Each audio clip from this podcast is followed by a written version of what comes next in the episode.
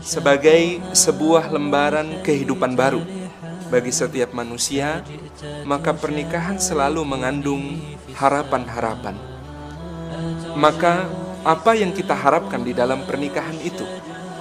Ketika kita melangkah untuk membangun sebuah keluarga dengan mengucapkan akad, akad yang agung yang disebut oleh Allah sebagai mithaqan ghalidha, sebagai sebuah perjanjian yang berat, yang besar.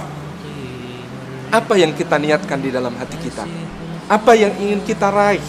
Apa yang ingin kita tuju? Menjawab pertanyaan-pertanyaan ini menjadi sangat penting supaya kita nantinya mendapatkan hal yang paling puncak yang bisa mewakili segenap kebaikan.